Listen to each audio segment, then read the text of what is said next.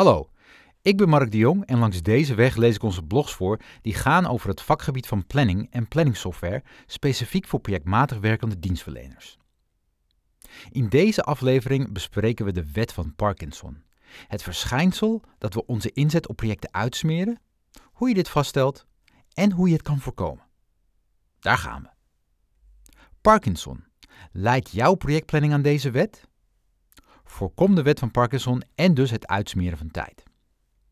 Ik bedoel hiermee de wet van Parkinson, niet de verschrikkelijke ziekte van de hersenen. De wet van Parkinson stelt dat het werk van een taak wordt uitgesmeerd over de beschikbare tijd om die taak te realiseren. Dit is één van de vier tijdsverspillers in projectplanning, waar we in een andere blog al aandacht aan besteden. In deze blog gaan we kijken hoe je kunt vaststellen of jouw projectplanning hieraan leidt en hoe je dit kunt bestrijden. Eerst een stukje achtergrond. De wet van Parkinson is geformuleerd door Cyril Northcote Parkinson, die op basis van zijn onderzoek vaststelde dat de omvang van het Britse imperium afnam, terwijl het ambtelijk apparaat van het Britse imperium in omvang toenam. Parkinson nam waar dat het aantal medewerkers in een bureaucratie, onafhankelijk van het werkaanbod, tussen de 5 en 7 procent per jaar toenam, zonder dat hiervoor een logische verklaring te vinden was. De wet van Parkinson is in algemene bewoordingen als volgt te formuleren. De vraag naar iets zal zich altijd aanpassen aan de maximale beschikbaarheid ervan. De wet van Parkinson in de praktijk. Een Valentijnskaart. Even een voorbeeld van de wet van Parkinson in de echte wereld. Een man die zich even tussen banen bevindt, neemt uitgebreid de tijd om een Valentijnskaart uit te zoeken. Meerdere winkeltjes worden aangedaan om uiteindelijk terug te gaan naar die ene winkel die de kaart had met de meest passende illustratie. Eenmaal thuis aangekomen, wordt een goed werkende pen uitgekozen, zodat er geen vlekken ontstaan. Meerdere teksten worden eerst in concept op plaatjes uitgewerkt. Uiteindelijk wordt de kaart beschreven en om er zeker van te zijn dat de kaart op tijd aankomt, wordt de kaart persoonlijk in de brievenbus bezorgd. Het lieftallige slachtoffer woont immers in dezelfde stad. Al met al is deze persoon een paar uur bezig geweest. Nu de werkende man. Na het werk realiseert hij zich: oh ja, over twee dagen is het Valentijnsdag. Op weg naar huis stopt hij bij de eerste boekwinkel die hij tegenkomt. In een oogopslag kiest hij uit vijf kaarten. Hij koopt de kaart, schrijft hem ter plekke en doet hem direct op de bus. Tien minuten later is de hele klus geklaard. De werkende man is een stuk sneller en de impact van het eindresultaat is er niet minder om. Zie hier de wet van Parkinson in optima forma. Hoe meer tijd je beschikbaar hebt om een taak te voltooien, hoe meer tijd je ervoor neemt en hoe langer je erover doet om de taak af te ronden. Een uitgesmeerde projectplanning. Een projectplanning is ook onderhevig aan de wet van Parkinson. Voor de deadline van activiteiten wordt vaak wat marge ingebouwd. Het gevolg is dat er ruimte ontstaat waarin medewerkers hun inspanning kunnen uitsmeren. Zoals weergegeven in onderstaande figuur. In bovenstaande figuur is nog niet eens het effect meegenomen dat medewerkers mogelijk meer tijd besteden dan nodig. De benodigde inspanning is precies uitgesmeerd over de gehele doorlooptijd van de activiteit. Voor het ontstaan van die extra ruimte, waarin de inspanning wordt uitgesmeerd, zijn twee oorzaken. 1. Projectmanagers plannen te ruim. 2. Medewerkers bouwen een veiligheidsmarge in. 1. Projectmanagers plannen te ruim. De projectmanager stelt per activiteit een doorlooptijd vast.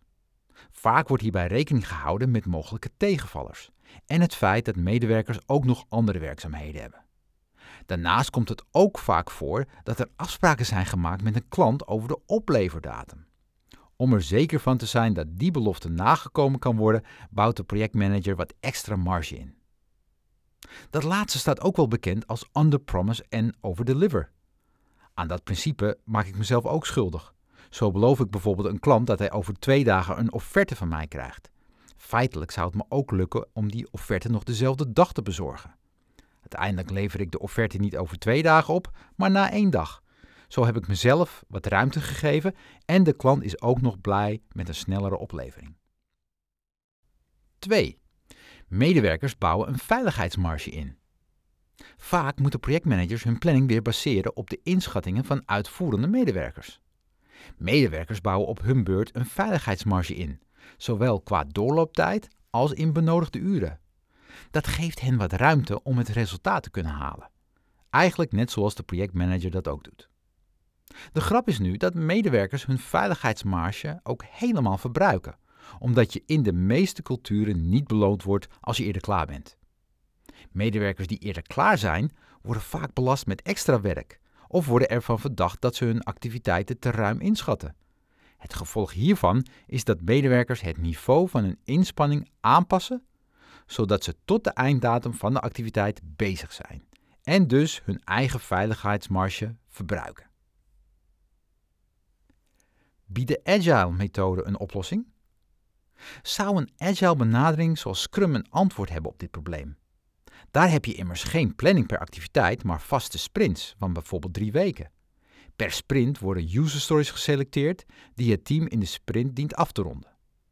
De selectie van user stories wordt berekend op basis van het aantal story points per user story en het aantal story points dat het team in een sprint kan verwerken. Nu is de theorie dat naarmate een team langer met elkaar samenwerkt, het team in staat is om meer story points in een sprint te kunnen verwerken. De zogenaamde velocity neemt toe.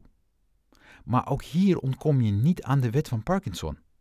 Voor het wegwerken van de user stories staat immers een vaste tijd van drie weken in ons voorbeeld. Waarom zou het team eerder klaar zijn?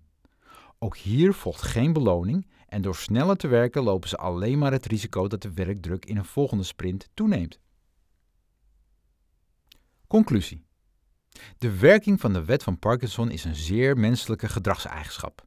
Het is aan de orde van de dag. Het is veelal onbewust, want er zijn weinig medewerkers die met opzet projecten willen vertragen. Maar wat kunnen we eraan doen om het effect te verminderen?